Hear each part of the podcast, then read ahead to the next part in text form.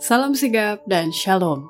Renungan kita pada hari ini, Kamis 2 Juni 2022, berjudul Melalui firman-Nya kita dilahirkan kembali. Ayat intinya terdapat di dalam 1 Petrus 1 ayat 23. Karena kamu telah dilahirkan kembali bukan dari benih yang fana, tetapi dari benih yang tidak fana, oleh firman Allah yang hidup dan yang kekal. Pena Inspirasi menuliskan yang dimaksud dengan judul renungan kita pagi ini, melalui firman-Nya kita dilahirkan kembali, sebagai petunjuk bagi kita agar mengalami kasih Allah yang tiada bandingnya itu, dikarenakan yang lama sudah berlalu, dan supaya kita dengan penuh keberanian datang menghampiri tahta kasih karunia Allah, adalah sebagai berikut. Pertama, bukti seseorang melalui firman-Nya telah dilahirkan kembali bila mana ia memiliki agama yang menuntunnya kepada Allah dan berbakti kepadanya dengan benar dan telah dilahirkan dari roh ilahi yang menyucikan hati serta membaharui pikirannya.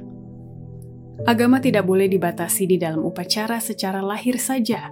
Agama yang berasal daripada Allah ialah satu-satunya agama yang akan menuntun kepada Allah. Untuk dapat berbakti kepadanya dengan benar, kita harus dilahirkan dari roh ilahi. Ini akan menyucikan hati serta membaharui pikiran, memberikan kepada kita suatu kesanggupan yang baru untuk mengenal serta mengasihi Allah. Kedua, bukti seseorang melalui firman-Nya telah dilahirkan kembali bila mana ia telah melakukan penyerahan diri seluruhnya kepada pelayanan Allah dan mengabdi sepenuhnya lewat hati, pikiran, jiwa, serta segenap kekuatannya. Kesucian yang benar adalah penyerahan diri seluruhnya kepada pelayanan Allah. Inilah syarat kehidupan umat beragama yang benar.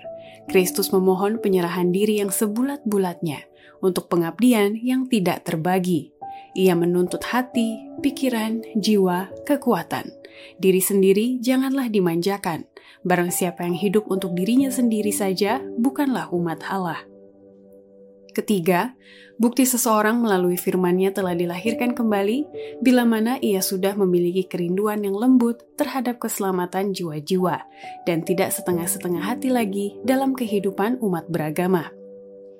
Kita akan merasakan kerinduan yang lembut terhadap jiwa-jiwa yang telah dirasakannya. Inilah agama Yesus. Sesuatu yang kurang dari itu adalah suatu penipuan. Tidak ada teori kebenaran atau pengakuan sebagai muridnya yang dapat menyelamatkan suatu jiwa. Kita bukan milik Allah, kecuali kita adalah milik Dia seluruhnya. Sikap hidup yang setengah-setengah hati dalam kehidupan umat beragama mengakibatkan tujuan manusia menjadi lemah dan berubah dalam keinginan. Usaha untuk melayani diri sendiri sambil mengaku melayani Yesus menjadikan seorang pendengar memiliki hati yang berbatu-batu dan dia tidak dapat tahan bila ujian datang ke atasnya. Keempat, bukti seseorang melalui firman-Nya telah dilahirkan kembali bila mana asas perbuatan itu adalah kasih yang juga menjadi dasar tabiat orang itu yang selalu siap sedia untuk berkorban demi menyelamatkan jiwa-jiwa. Kasih harus menjadi asas perbuatan. Kasih adalah prinsip dasar pemerintahan Allah di surga dan di bumi, dan itu harus menjadi dasar tabiat umat Allah. Ini saja yang dapat menjadikan dan memelihara kita teguh. Ini saja dapat menyanggupkan kita untuk menahan penindasan dan pencobaan.